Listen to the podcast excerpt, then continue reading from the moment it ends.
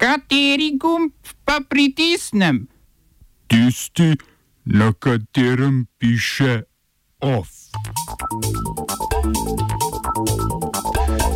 Vlada je imenovala novega direktorja Sove. Na obzorju nova parlamentarna preiskovalna komisija. ZDA ustanavljajo, fi, ustavljajo financiranje svetovne zdravstvene organizacije. V kulturnih novicah izvedba Metal Days in ostalih poletnih glasbenih festivalov pod vprašanjem.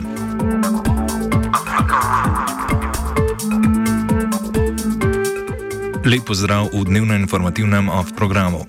Vlada je razrešila direktorja Slovenske obveščevalno-varnostne agencije, krajše Sova, Rajka Kozmelja in na položaj imenovala Janeza Stuška. Kozmelj je nepreklican odstop premijeju Janezu Janši podal v sredini marca. Odstopni izjavi je kot razlog navedel izključitev Sove iz Sveta za nacionalno varnost, ko je ta razpravljal o odzivu države na epidemijo. Na včerajšnji dopisni seji je vlada tako za direktorja imenovala nekoga, ki bolj ustreza. Stušek je bil imenovan za dobo petih let z možnostjo ponovnega imenovanja. Novi direktor je kariero začel v slovenski vojski, bil je asistent na fakulteti za varnostne vede, zdaj pa je zunani sodelavec Sveta Evrope svojo odvetniško pisarno.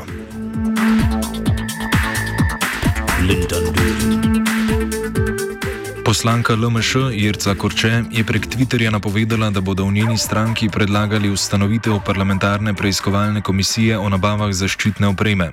Predlog podpirata tudi Levica in SAP, odkuder so javili, da so že prej predlagali nadzor nad dodeljevanjem vseh javnih sredstev v času epidemije.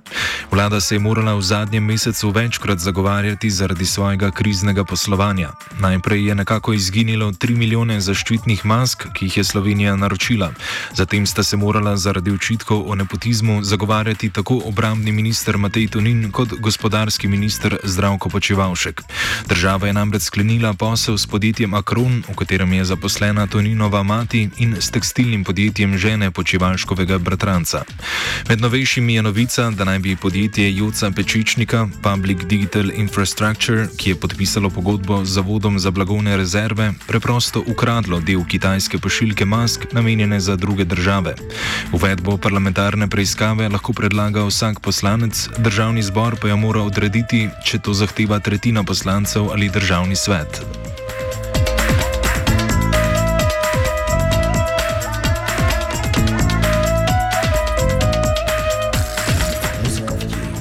Ministr za zdravje Tomaš Gantar je sporočil, da vlada načrtuje širše testiranje, ki bo ustvarilo jasnejšo sliko o številu okuženih z novim koronavirusom.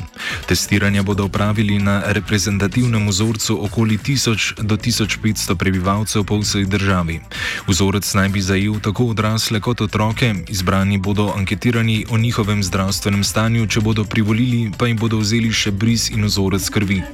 Na podlagi pridobljenih rezultatov naj bi potrdili, da so v populaciji populaciji ljudi, ki so okužbo preboleli v samoizolaciji. Poleg tega so napovedali, da bodo ugotovitve ključne za postopno sproščanje ukrepov.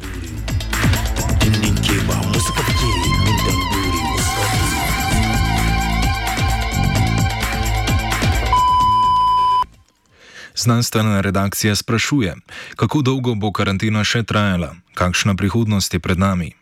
Na takšna in podobna vprašanja je veliko odgovorov, vsi niso samo znanstveni, čeprav bomo danes poročali o rezultatih raziskave, ki so jo objavili epidemiologi in epidemiologinje z Harvardske univerze.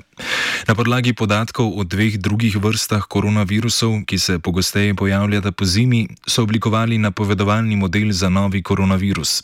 Predvidevajo, da se bodo izbruhi novega koronavirusa ponavljali vsako zimo in bodo tako ponavljajoči se ali dolgotrajnejši ukrepi socialnega distanciranja potrebni vsaj do leta 2022. Ti ukrepi bodo odvisni tudi od tega, kakšna zdravila in cepiva bodo v prihodnosti na voljo, kako uspešno se bo na te izbruhe prilagodil zdravstveni sistem, kako dolgo imunost na virus bomo razvili in koliko prebolelih bo imunih. Za preverjanje števila prebolelih so izpostavili tudi pomembnost razvoja krvnih testov na proti telesa. Predvidevajo, da bo tudi v primeru morebitnega izkoreninjanja virusa potreben nadzor nad njegovim pojavljanjem vsaj do konca leta 2024.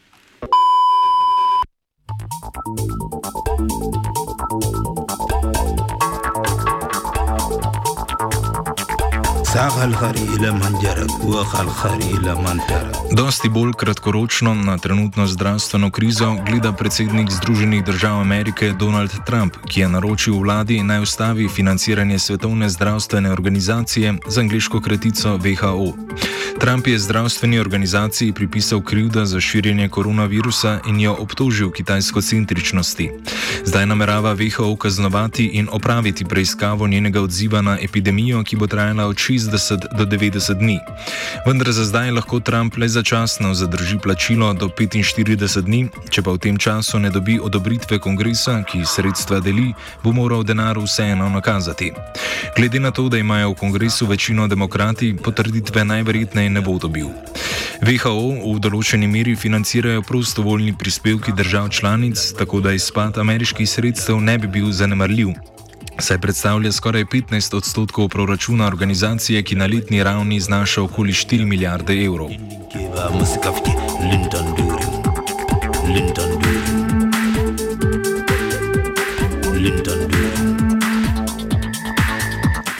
Na polskem je vlada izkoristila krizno situacijo in prepoved množičnega zbiranja za ponovno obravnavo o omejitvah dostopnosti do splava in spolne vzgoje. Vladajoča stranka Zakon in pravičnost, krajše PIS, je morala prejšnje poskuse omejitev upustiti zaradi množičnih protestov, ki zdaj zaradi novega koronavirusa niso mogoči. V karantenskem duhu je tako v parlamentu napovedana obravnava pobud, ki obsegajo kriminalizacijo spolne vzgoje in nova določila, s katerimi bi se se omejila možnost splava v primerih, ko genetski testi pokažejo nepravilnosti pri zarodku. Stranka PIS spolni vzgoji odločno nasprotuje, ker po njihovem učenju otrok o različnih spolnih orientacijah ogroža polsko kulturo.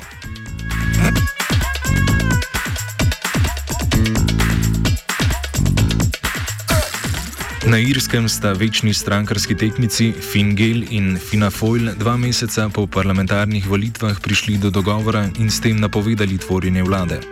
Desetletja nasprotujoči si stranki, ki efektivno držita tako rekoč enake desno-sredinske pozicije, je v sodelovanje prisilil uspeh leve Sinn Fein, ki je presenetljivo osvojila največ glasov, ob morebitnih novih volitvah pa se jim, če je verjeti anketam, obeta še boljši izid.